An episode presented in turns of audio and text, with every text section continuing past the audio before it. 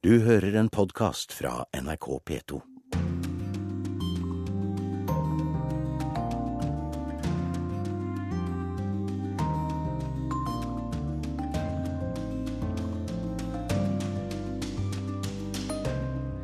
Donald Trump feide inn i Det hvite hus som en virvelvind. Hvor mye er bare ord, og hvor mye er handling etter hans første uke? I have taken major contractual steps to restore the rule of law and to return power to everyday Americans. I Romania fnyser de av at vi tror at falske nyheter er noe nytt. Det har vi hatt i 60 år, sier en journalist. Vi skal til Paris dagen før sosialistene velger sin presidentkandidat. Og vi skal møte en krypskytter i Kenya som har sluttet å drepe elefanter takket være en ung og modig kvinne. Og moralske valg om liv og død er ikke bare svart-hvitt, forteller Kristin Solberg i korrespondentbrevet. Alle sa til meg hva er dette? Han burde ha reddet seg selv. Han burde tenkt på familien. Men for meg, nei. Dette var ham.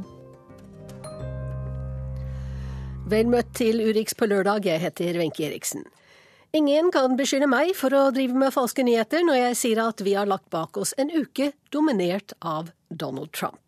I sine første dager som USAs president har han satt sin kraftfulle underskrift på en rekke endringer han vil gjennomføre. I går kveld var det ordren om å stanse mottak av samtlige flyktninger i fire måneder, og ingen visa til borgere fra sju muslimsdominerte land. I'm establishing new vetting measures to keep radical Islamic terrorists out of the United States of America. Ingen muslimske flyktninger har så langt drept noen på amerikansk jord, men Trump mener tiltaket er nødvendig for å hindre radikale islamske terrorister i å komme inn i landet. Tidligere i uka har han gitt ordre om at muren mot Mexico skal bygges. Kriminelle, udokumenterte innvandrere skal deporteres, fribyer skal miste økonomisk støtte, og organisasjoner hjemme og ute som gir råd om eller utfører abort, skal ikke få penger fra staten. Når det gjelder olje og miljø, har han reversert Obamas beslutninger og gitt beskjed om å bygge to kontroversielle oljerørledninger. Han har trukket USA fra frihandelsavtalen for stillehavslandene og vil reforhandle NAFTA-avtalen med Mexico og Canada. Han har innført ansettelsesstopp i føderale institusjoner, unntatt Forsvaret og politiet. Og han har gitt beskjed om lempelig praktisering av Obamas helseforsikringsordning inntil den blir avskaffet og erstattet av en ny ordning. I går lovet han Storbritannias statsminister å satse på Nato, og i dag skal han snakke med Russlands president på telefon. Hvis han vil, kan han med et pennestrøk oppheve sanksjonene mot Russland, og den muligheten holder han fortsatt åpen. We'll see what. As as the sanctions, very early to be talking about that. Groholm, Washington. Ja, da sier jeg velkommen hit til studio Jan Arild Snoen, kommentator i nettavisen eh, Minerva. Vi skal straks snakke mer om Donald Trumps første uke som president, men først skal vi høre noen smakebiter fra de siste sju dagene. We just officially terminated TPP. The Secretary of Homeland Security, working with myself and my staff, will begin immediate construction of a border wall. I made a speech. I looked out. The field was, it looked like a million, a million and a half people. They showed a field where there were practically nobody standing there. What's going on with voter fraud is horrible. I would have won the popular vote if I was campaigning for the popular vote. I am, to a large extent, an environmentalist. I believe in it. But it's out of control. We've issued executive orders to build the Keystone and Dakota pipelines. You're now the president. Do you want waterboarding? I don't want people to chop off the citizens or anybody's heads in the Middle East, okay? I have a running war with the media. They are among the most dishonest human beings on earth. I have taken major contractual steps to restore the rule of law and to return power to everyday Americans. Ja, Jan Arild Snoen, det har vært en heftig uke der det nesten ikke har vært mulig å henge med på alle utspillene til president Donald Trump, også på Twitter. Han fortsetter med det. Eh, nå er det jo vanlig at en ny president vil markere seg når han begynner, men dette var litt voldsomt, var det ikke det? Det er mer enn vanlig. Det er jo som du sier, som også har vært nevnt, det er vanlig at en ny president da stopper prosesser en tidligere presidenten har stått for, og reverserer noe, og så setter han, han, i gang nye prosesser. og Det er det som i stor grad har skjedd. For mye av dette er jo bare første skritt. Andre ting er mer konkret og vil ha varig betydning. Men det meste er eh, Han markerer at det han sa i valgkampen, det mente han, og det skal gjennomføres. Hva tror du er det viktigste som har skjedd denne uken? Den viktigste prosessen i hvert fall er når han sier han skal reversere helsereformen til eh, Obama. Derimot er det veldig stor tvil om han faktisk kommer til å kunne gjøre det. Fordi her er det så mange som har fått tilgang til et gode. Eh, subsidiert eh, forsikring eller dekning av staten.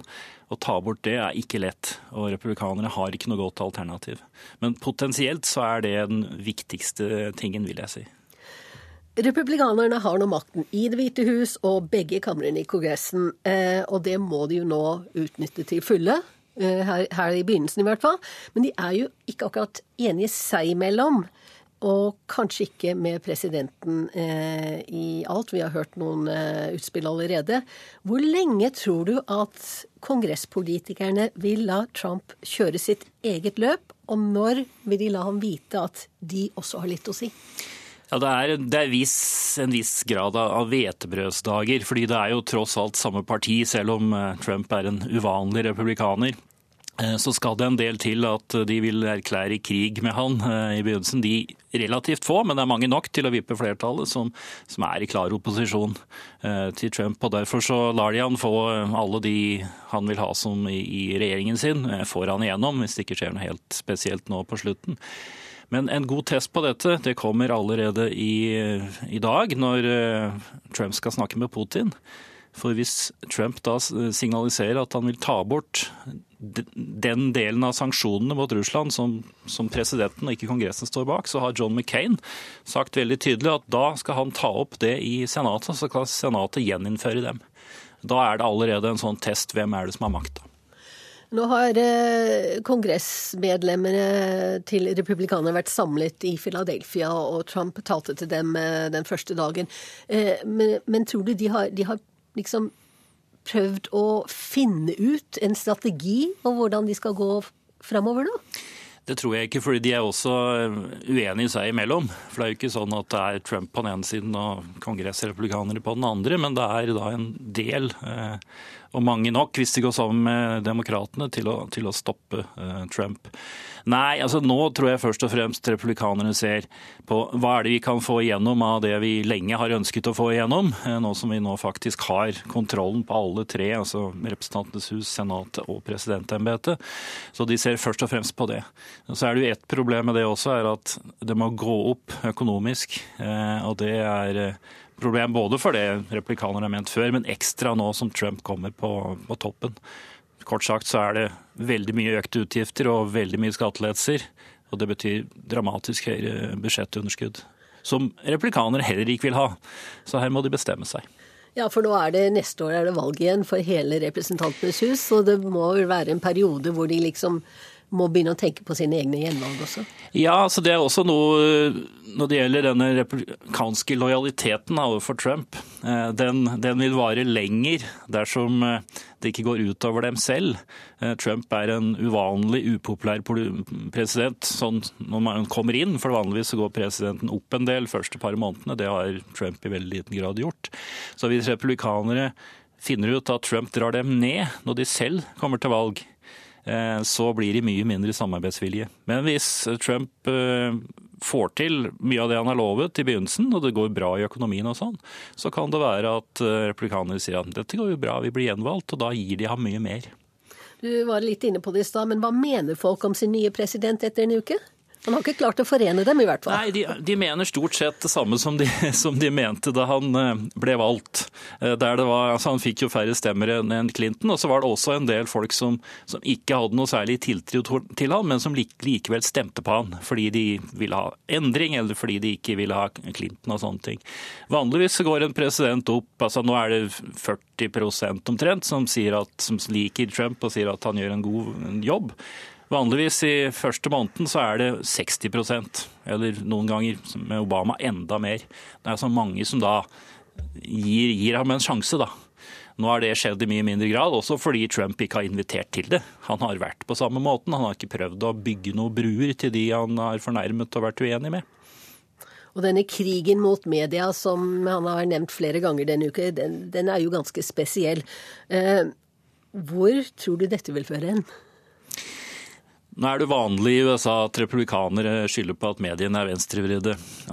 I noen forstand, i en amerikansk kontekst, så, så kan det være riktige deler av mediene. Men, men, dette er nå hevet opp på et helt annet nivå eh, til, en, til, en, krig fra, eh, fra Trumps side. Vi hør, hørte jo han sa at det er, liksom, de er the enemy. Eh, det, det er fienden. Og dette er fordi Trump, som er en president som lyver uvanlig mye, det er ikke alt han sier som er løgn, men han lyver uvanlig mye.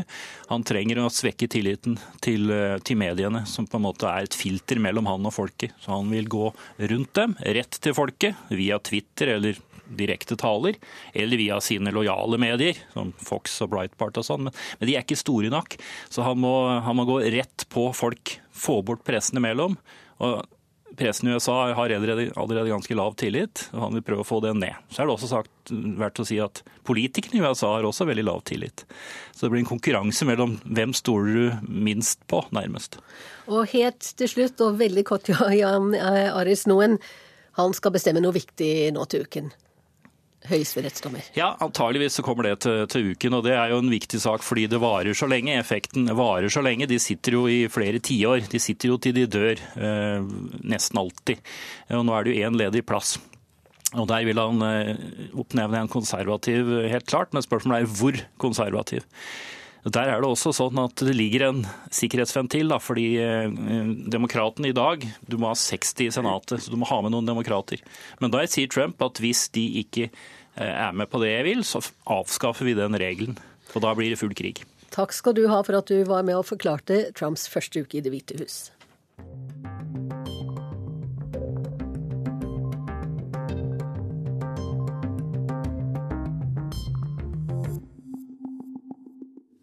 I Tyrkia snakker folk hele tiden om folkeavstemningen i april, som kan føre til at president Erdogan får samle så godt som all makt på sine hender. Det er usikre tider i landet, noe som også rammer musikkbransjen. Terrorfrykten gjør at folk veger seg for å gå på konsert, og det er vanskeligere å få utenlandske artister til å opptre. Og mange spør vil rockeband få spille like fritt som i dag om Tyrkia blir langt mer konservativt.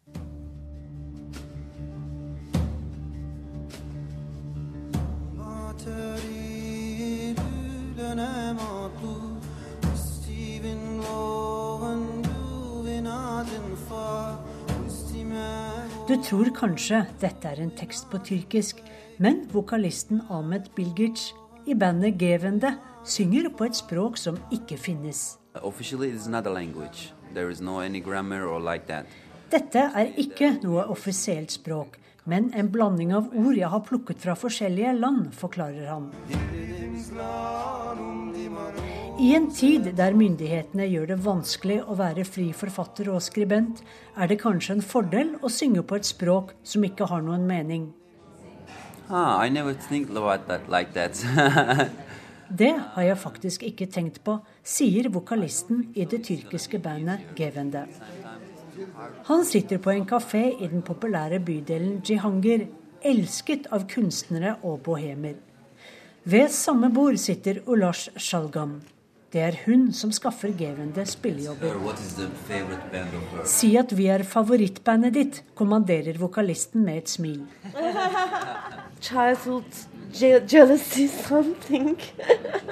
Alle bandene mine er sjalu på hverandre. Alle vil være favorittbandet. De er som småbarn, ler musikkagenten, som også har sitt eget plateselskap. Hun trykker gammeldagse vinylplater. Men Sjalgam blir raskt alvorlig når hun snakker om hvordan musikkbransjen rammes av tre ting samtidig. Terror, politisk uro og økonomisk krise. Undergrunnsbandene greier seg, for vi har vårt faste publikum. Men popartistene, som favner langt bredere, har problemer. I mean, like, wow, For hvordan kan vi holde konserter etter et terrorangrep? Hun vet aldri om konsertene må avlyses pga. trusler eller ikke.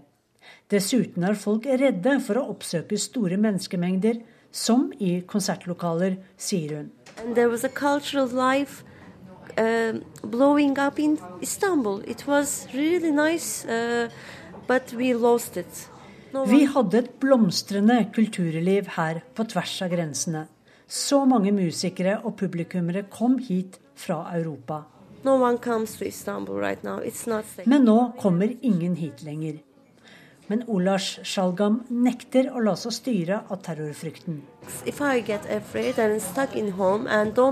Concerts, yeah, why, why Tyrkia har en dramatisk historie med militærkupp og bitter politisk rivalisering. Og igjen står landet ved en historisk korsvei. Forrige april skal tyrkerne etter planen avgjøre om de skal skifte styresett fra dagens parlamentarisme til et system med en allmektig president Erdogan på toppen.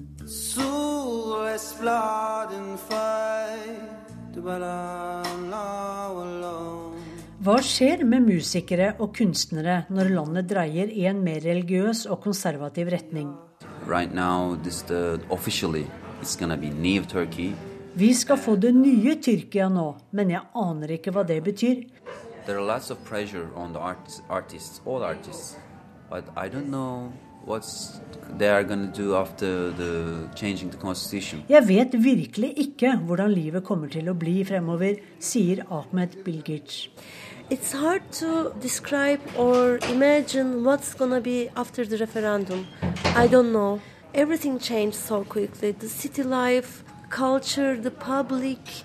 Alt forandrer seg så raskt nå at jeg ikke greier å tilpasse meg. Som alle andre, forteller Olars, har hun en plan B, C og D. Jeg elsker jobben min her og har ikke lyst til å gi opp. Also, what gives me hope is uh, when there is a pressure, really great music comes out. Og det som gir meg håp nå, er at presset musikere lever under i disse dager, får dem til å skape så mye god musikk, forteller hun. Mens plan B er å flytte til Europa, er plan C å finne en bitte liten landsby i Tyrkia der hun kan stenge alle nyheter ute og drive organisk jordbruk. Yes, worry. Worry the... Ahmed frykter at Tyrkia vil rammes av mer terror og drap. Fighting, De to tilhører Istanbuls sekulære kulturmiljø, som i hovedsak sier nei til grunnlovsendringene. Men meningsmålingene viser at mellom 60 og 70% av tyrkerne er for å gjøre president Erdogan mektigere. Er det ikke rettferdig da at det religiøse og konservative flertallet får bestemme, spør jeg. No, it's not about religion. Uh, not at all. This is about power and money. Nei, dette handler ikke om religion, men om makt, mener Olash. Erdogan ser mektig ut, og de fattige har aldri hatt en så sterk leder. Så de tiltrekkes av hans energi og makt. Men dette handler ikke om religion, sier Olash Shalgam bestemt. Det blir en hard dragkamp om folkeavstemningen de neste månedene i Tyrkia. Og artister og kjendiser har allerede kastet seg inn i kampen om fremtiden.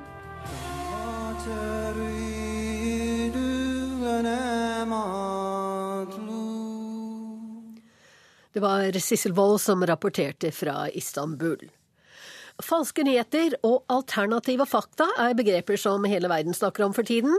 Vi har hatt falske nyheter i over 60 år, sier journalister NRK har snakket med i Romania. De vil nå utvikle en app der folk kan finne ut hvilke selskaper som annonserer på nyhetskanaler som lyver. Men de innrømmer at det er vanskelig å komme propagandaen til livs.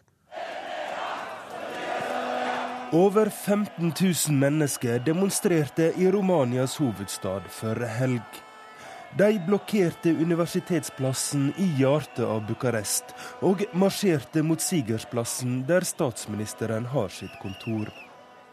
De protesterte mot en ny forskrift som vil gi amnesti eller redusert soning til minst 2500 fanger.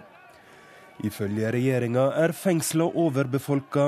De ønsker å justere lovene til europeisk standard.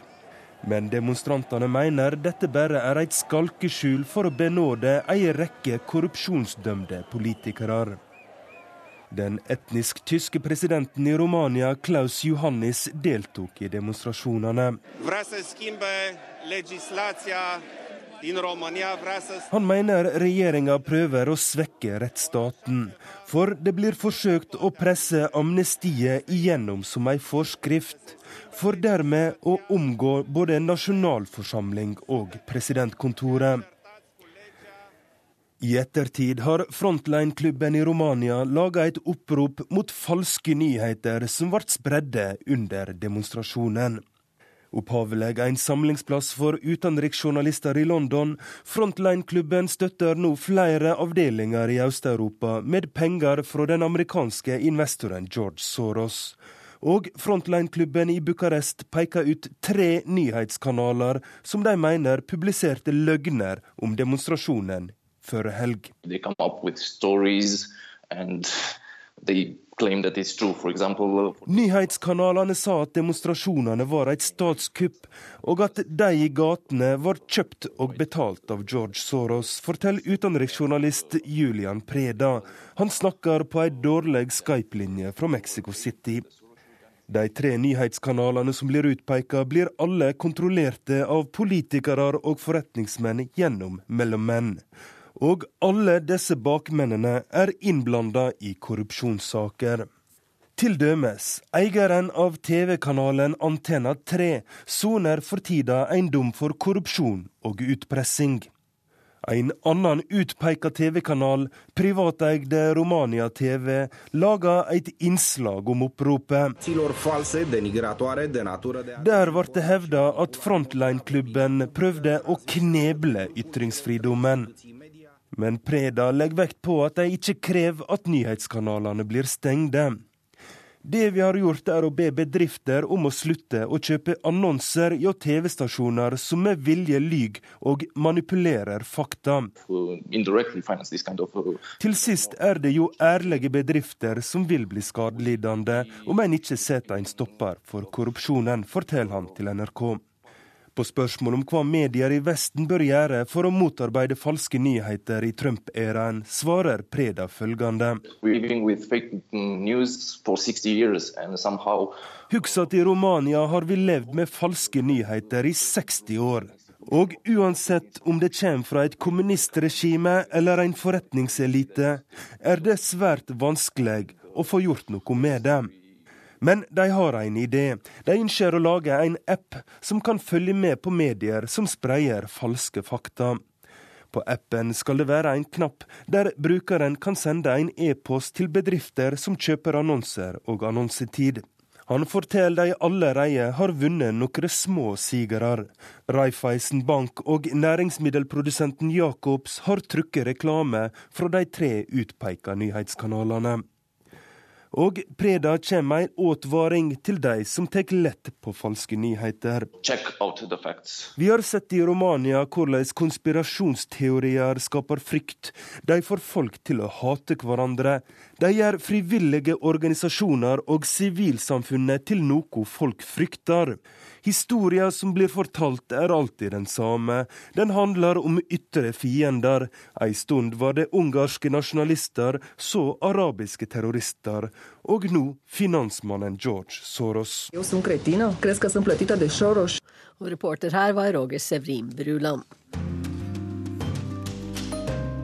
Du hører på Urix på lørdag. Klokka er 11.27. Bli med oss videre og møt elefantkrypskytteren og den modige kvinnen som fikk ham til å legge ned spydet. NASA markerte i natt en romfartstragedie som likevel førte til positive endringer. Og vi skal til Brasil og kampen mot korrupsjon, før korrespondentbrevet om moralske valg som handler om liv og død. Men aller først skal vi til Paris. I morgen er det andre runde i sosialistenes primærvalg i Frankrike, og da blir det klart hvem som skal kjempe mot Marine Le Pen fra Nasjonal Front og de konservatives François Fillon i presidentvalget som starter i april. Omarou Doucouré jobber som frivillig i valgkampen og deler ut flygeblader i en forstad til Paris. Madame, bonjour. Alors là, c'est un appel à venir voter ce dimanche pour Benoît Hamon. Siden 2006 har Omaro Ducoré frivilligt delat ut flygblad åt Socialistpartiet ute i fattiga La Courneuve norr om Paris. Till vardags arbetar han som tekniker. Omaro lyckas här övertyga en mamma som precis lämnat av sin son i skolan att gå och rösta i primärvalet. Jag har ofta tvekat mellan högern och vänstern, medger väljaren Jennifer. Till skillnad från högerpolitiker som vill skära i välfärdssamhället hoppas Jennifer att socialisterna inte kommer att glömma bort folket. Därför har jag nu blivit övertygad om hur viktigt det är att rösta på söndag, säger hon. Politikerna Manuel Valls och Benoit Hamon kämpar nu om att bli socialistpartiets presidentvalskandidat. Valls företräder en mer liberal socialism medan Hamon företräder en mer vänsterinriktad socialism. Omarou Doucouré håller personligen på Benoit Hamon som tros ha störst chanser att vinna primärvalet. Omarou vet dock att han arbetar i motvind. Socialistpartiet har de senaste åren tappat uppåt 20 000 medlemmar. Det har gått så långt att man i media ofta tror att partiet kan kluvas i två delar och försvinna. Och den som väljs nu på söndag kan inte bli bättre än femma i presidentvalet senare i vår, visar opinionsundersökningar. Det vore en katastrof eftersom socialisterna med president Hollande i spetsen styrt Frankrike de senaste fem åren. Många socialister går nu över till populistiska Nationella fronten. Omarou säger. Vår uppmaning till väljarna är att alla måste se upp för populistiska slagord. För Marine Le Pen kommer inte att kunna lösa samhällets många problem.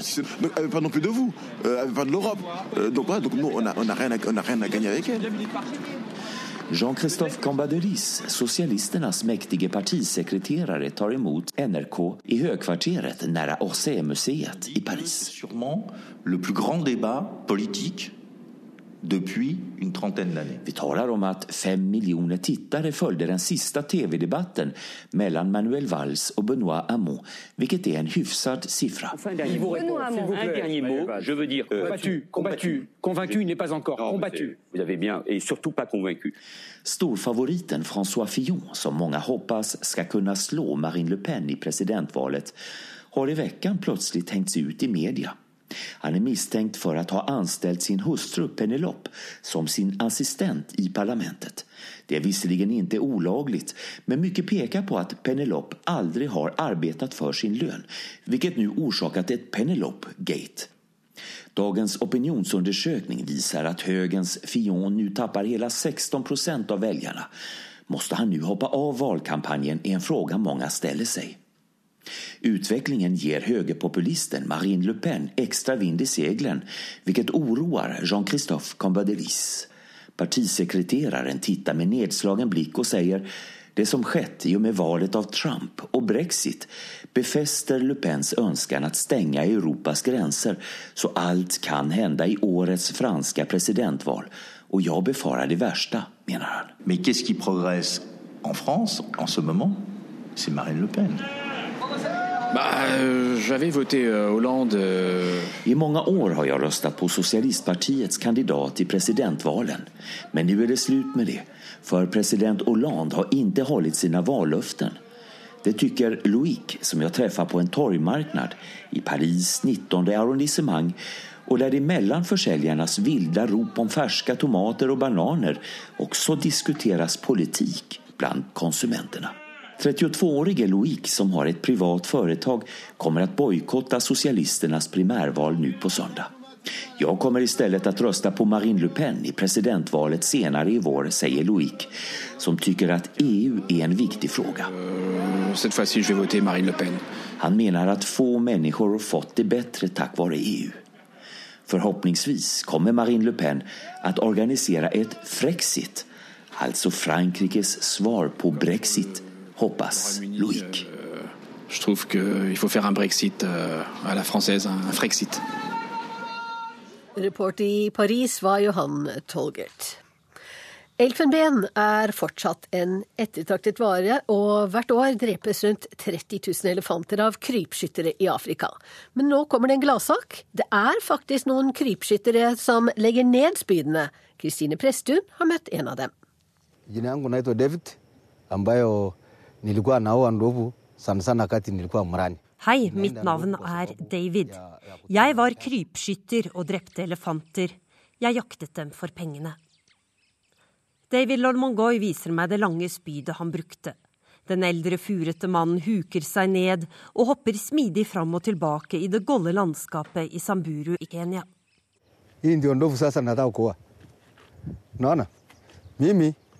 Ndovu sasa karibu. Når elefanten er nærme nok, bøyer jeg meg ned og venter. Så, når det rette øyeblikket er der, kaster jeg spydet slik. Spydet suser av gårde i en lav bue før det treffer et tre med hard kraft. Det står og dirrer. Det er lett å se for seg hvordan det må ha vært når spydet hans traff en levende elefant på opptil sju tonn. Han forteller at de pleide å være fire jegere sammen som nærmet seg elefanten fra hver sin kant.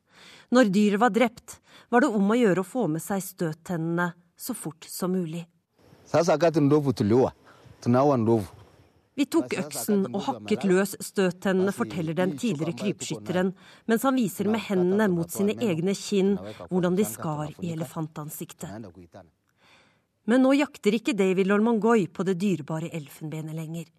En ung kvinne fikk krypskytteren til å legge ned spydet for godt. Jeg jobbet direkte med krypskytterne og fikk dem til å heve blikket, slik at de ikke bare var opptatt av hvor mye de kunne tjene på dette.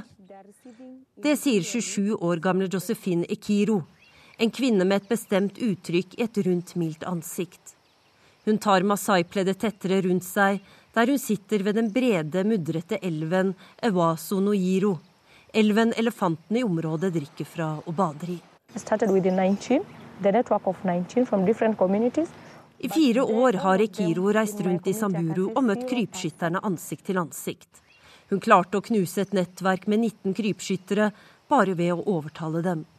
Flere av dem jobber nå som viltvoktere. Men det har vært et farlig oppdrag, og Ikiro ble flere ganger truet på livet. They laid a trap on me, and uh, they wanted to kill me, pointing a gun onto me. Naeleza afana fanya hii, afana fanya hii, hii ndio mzuri na hii ndio mbaya. Den gamle jegeren tar den unge kvinnen fra rendillestammen i hendene. Han er takknemlig. Hun lærte meg å skille mellom godt og vondt. Hun har utdannet mange av oss i dette området, sier David Lolmongoy. I det samme kommer en elefantflokk ruslende forbi i regnet på savannen. Josefine Kiro finner fram mobiltelefonen for å ta bilder. Hun vet at verdens største landdyr må reddes hvis fremtidige generasjoner skal få gleden av et slikt syn. I'm happy because my grandchildren will see, we'll see them one day. yeah. Og Kina har varslet at landet vil forby all handel med elfenben mot slutten av dette året.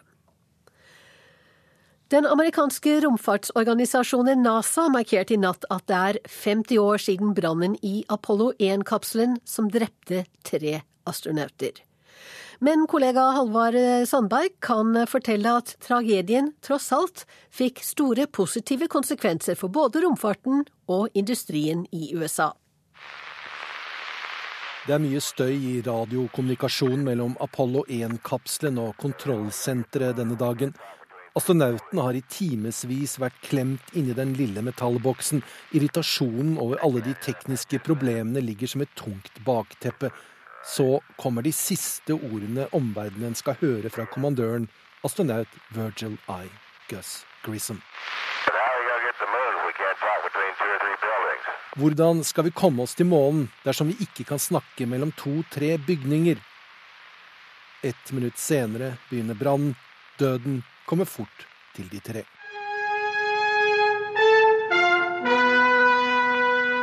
Apollo astronauts Roger Chaffee, Edward White and Gus Grissom lose their lives. Ulykken inntreffer tidlig på kvelden amerikansk tid, rett etter midnatt norsk tid. Her i Norge får folk nyheten gjennom radio på morgenkvisten, og de blir overrasket. Ja, jeg ble egentlig det. For jeg hadde trodd at, at kvalitetssikringen uh, skulle være bedre, og at ikke noe sånt noe skulle skje. Takket være de vitenskapelige rakettene, satellittene og romsondene har vitenskapen Romfartsekspert Erik Tamberg fulgte det amerikanske måneprogrammet. Nå visste han at det ville bli utsettelser. Brannen skjedde bare to år, elleve måneder og fire dager før fristen NASA hadde fått, gikk ut. Og det var en frist hugget i stein. Now it is time to take longer strides. Kom brannen til å ødelegge for arven etter den drepte presidenten John F. Kennedy? For mange så det slik ut. For Apollo-programmet var i dårlig forfatning, både teknisk og organisasjonsmessig.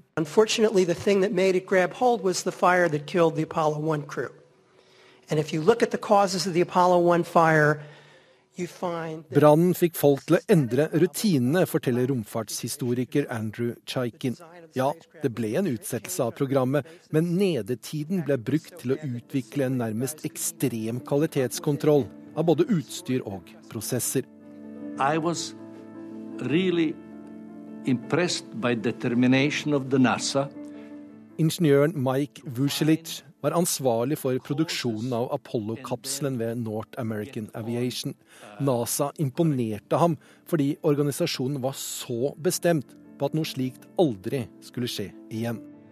From a technical point of view, I think the fire had a, a very beneficial final effect on the program. George Jeffs, den ansvarlige ingeniøren for romfartøyet som brant, mener brannen til slutt førte til at månelandingene faktisk kunne skje. The NASA programs that we did in the 60s had a great deal of payoff. Det mener også den legendariske lederen i kontrollsenteret, Chris Craft. Han sier til Ars Technica at han er sikker på at problemene i Apollo-programmet, dersom de ikke hadde blitt rettet opp, ville ha gjort det umulig å nå tidsfristen. At problemene sannsynligvis ville ha ført til at USA aldri nådde månen.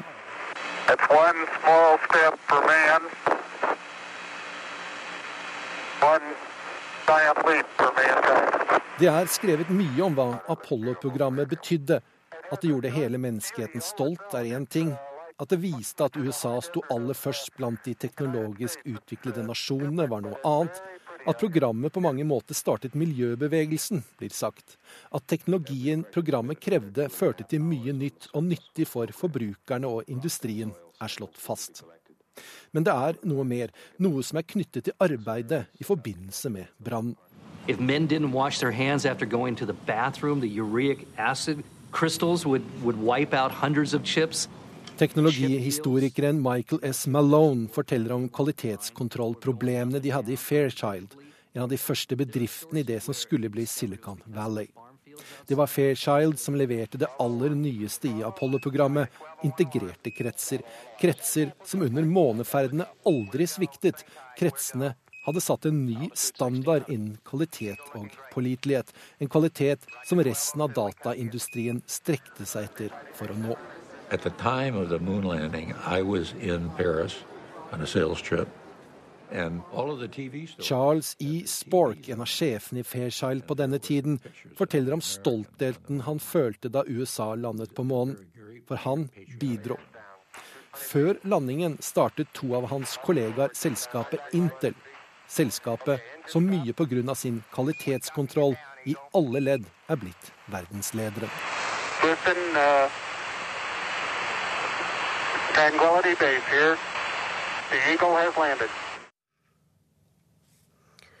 I Brasil frykter mange at kampen mot korrupsjon stopper opp etter at en av landets fremste korrupsjonsjegere døde nylig i en flyulykke. For mer enn 80% av brasilianerne tror han ble myrdet. Vår medarbeider i Rio er Arnt Stefansen. Bom, galera, assim que eu fiquei sabendo da notícia que o avião onde Teoriza Vasque estava Det koker på sosiale medier her i Brasil etter at høyesterettsdommer Teori Zavaski, en av landets fremste korrupsjonsjegere, omkom i en småflyulykke. Påstandene er mange og sterke. Det var ingen ulykke. Zavascki ble tatt av dage av dem som var truet av hans etterforskning, blant dem Brasils øverste ledelse, lyder en kommentar på YouTube.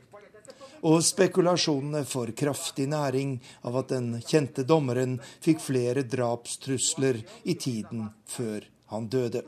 En meningsmåling viser at hele 83% av brasilianerne mener det dreier seg om et drap. Jeg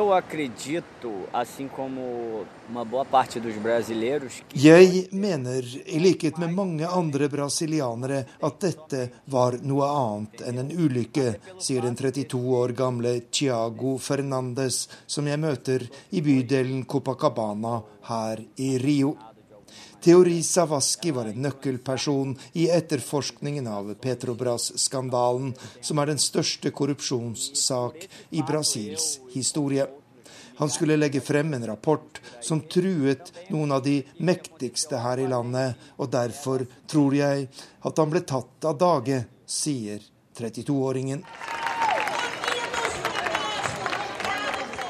For brasilianerne er kampen mot korrupsjon en enorm oppmuntring, og de går raskt ut i gatene når korrupsjonsjegernes arbeid er truet. Da nasjonalforsamlingen før jul vedtok en ny lov som gjør det lettere å gå til sak mot landets dommere, deltok titusener av mennesker i demonstrasjoner over hele landet. Kampen mot korrupsjon er avgjørende for Brasils fremtid, sier Tiago Fernandes her i Rio. Det betyr veldig mye for oss å se at det gjøres noe. Det som har skjedd her i Brasil de siste par årene, er jo helt utrolig i et land der de rike og mektige alltid har sluppet straff, nesten uansett hvor mye de har stjålet fra samfunnet. Men samtidig er vi fullt forberedt på at de mektige nå vil slå tilbake med alle midler, og reaksjonene på høyesterettsdommer Theorisa Vaskis død viser jo hvor sterk folks frykt og mistillit nå er, sier 32-åringen.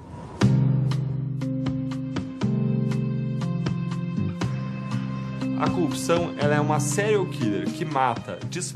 Denne uken kom organisasjonen Transparency International med sin årlige rangering av korrupsjon i ulike land. Siden i fjor har Brasil falt tre plasser tilbake og er nå nummer 79 på en liste der de nordiske landene ligger øverst. Men samtidig får Lava Jato, etterforskerne av Petrobras-skandalen, honnør for sin kamp mot korrupsjonen her i Brasil. Uma estimativa da ONU aponta que 200 bilhões de reais são desviados pela corrupção anualmente no Brasil. En beregning fra FN viser at korrupsjon hvert år koster Brasil 200 milliarder reais, drøyt 500 milliarder kroner, sier statsadvokat Deltan Dalagnol i Lavajato, eller Operasjon bilvask, som prosjektet heter på norsk. For disse pengene kunne vi ha tredoblet investeringene i helse eller i utdanning, og Brasil kunne ha brukt fem ganger så mye penger på å bekjempe kriminalitet og gjøre livet tryggere for folk i dette voldelige samfunnet, sier etterforskeren.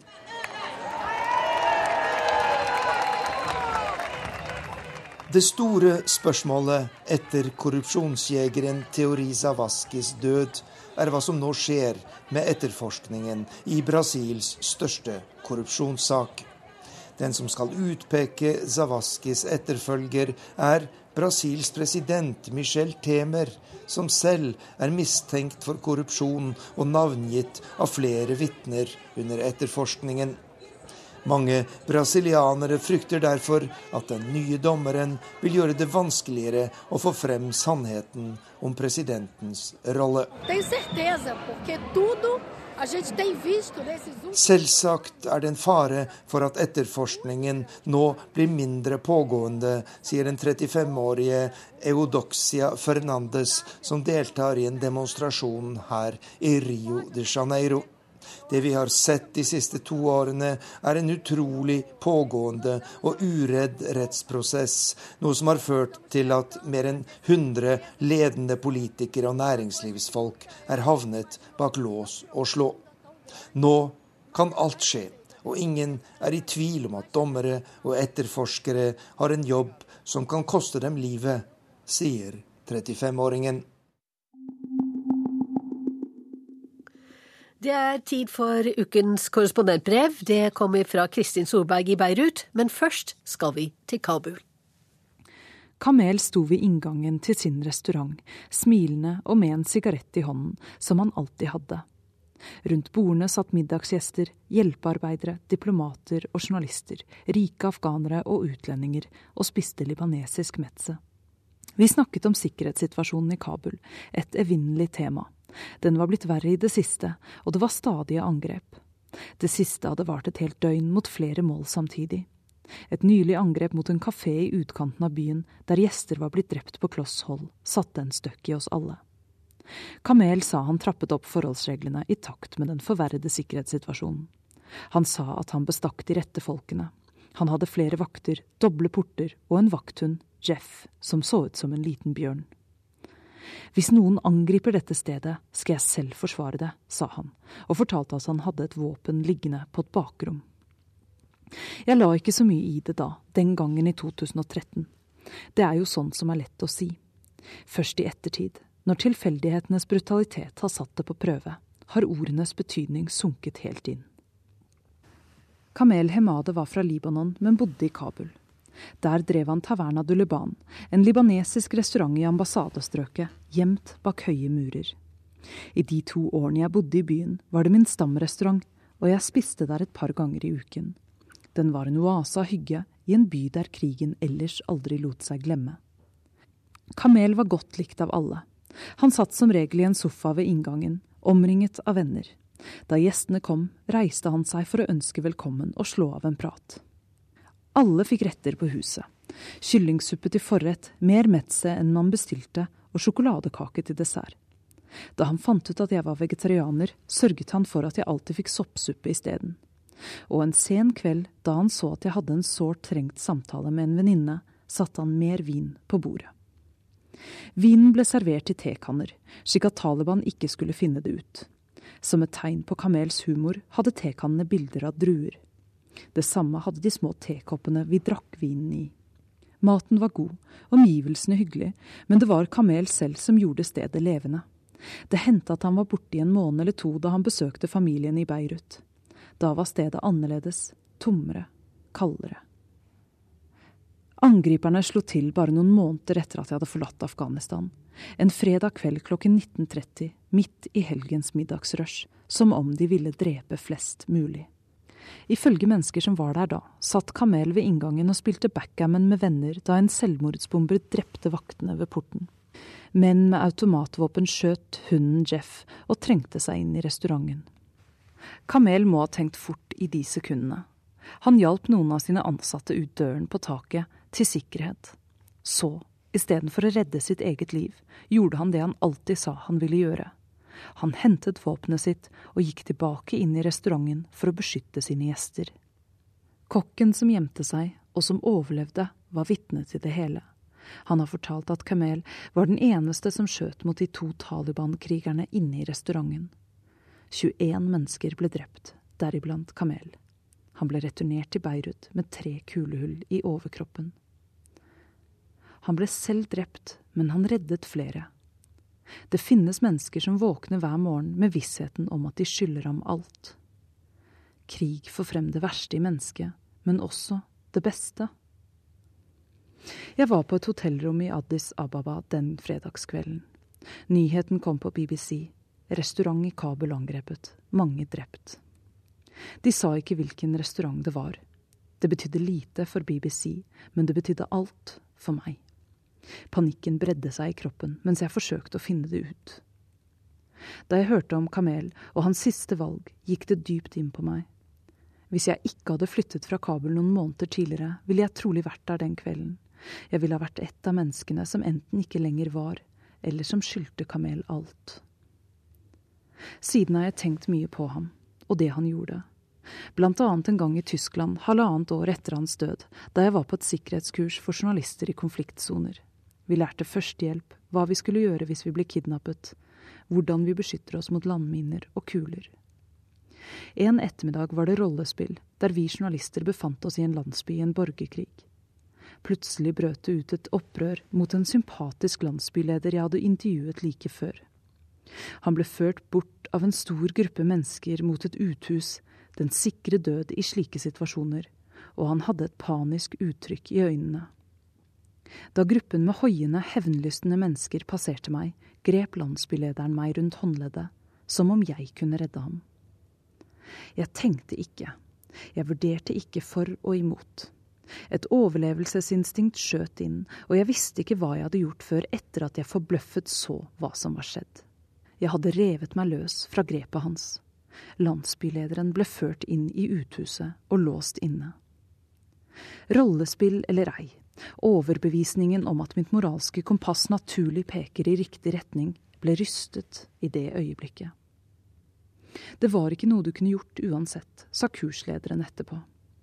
Jeg tror han så hvor opprørt jeg var, mye mer over dette enn over at jeg tidligere i rollespillet hadde tråkket på to landminner og fått begge beina revet av.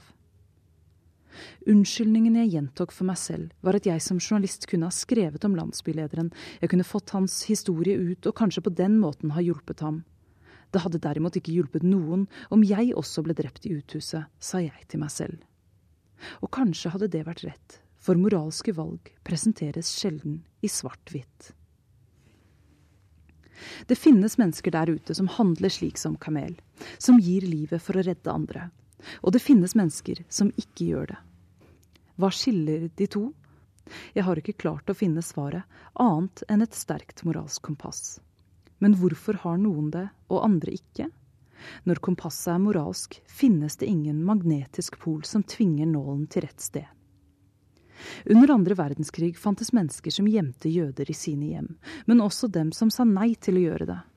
Under folkemordet i Rwanda fantes hutuer som gjemte tutsier, og det fantes dem som ikke gjorde det. Alt som er nødvendig for ondskapens triumf, er at gode mennesker gjør ingenting, sa filosofen Edmund Burke. Hva sier så de som gjør ingenting? Alle dem som i historiens løp ikke aktivt deltok i overgrepene, men som heller ikke gjorde noe aktivt for å stanse dem.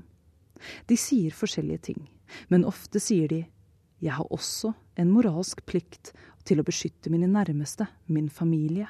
Jeg har en moralsk plikt overfor dem om å holde meg selv i live. Og slik har de en helt legitim unnskyldning til å ikke hjelpe alle dem som ikke faller inn under kategorien de nærmeste. Men hvis alle tenker slik, tar ingen ansvar. Hvis alle tenker slik, kan ondskap triumfere. Likevel har jeg tenkt mye på Kamels familie. En kone i Beirut og to døtre. En i London, en annen i Dubai. Hva tenker de om valget han tok? Ved en tilfeldighet fant jeg Kamels ektefelle i Beirut. Jeg ringte henne og presenterte meg selv.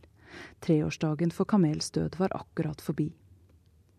De sier at tapet blir lettere med tiden, men det blir det ikke, sa Nabila.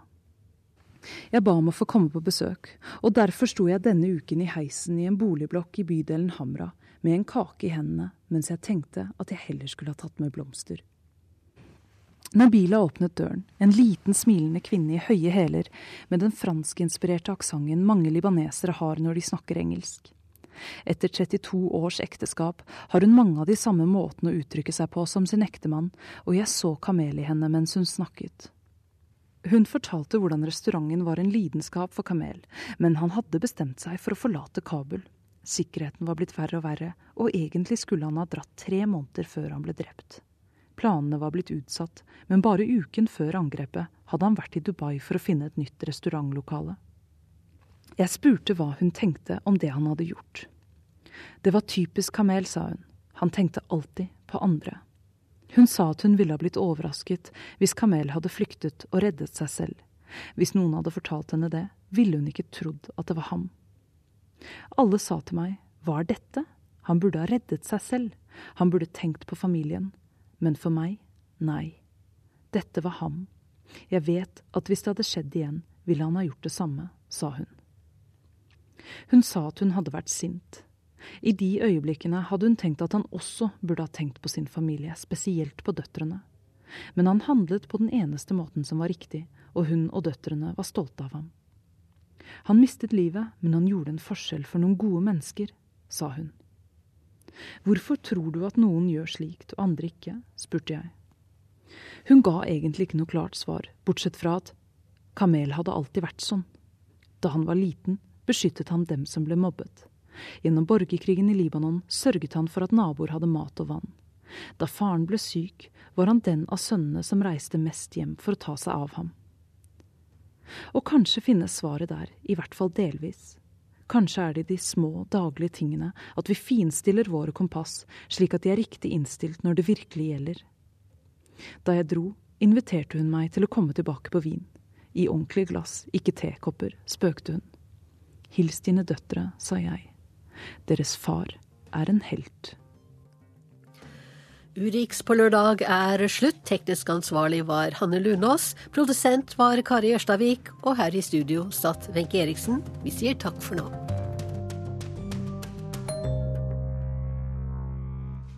Du har hørt en podkast fra NRK P2.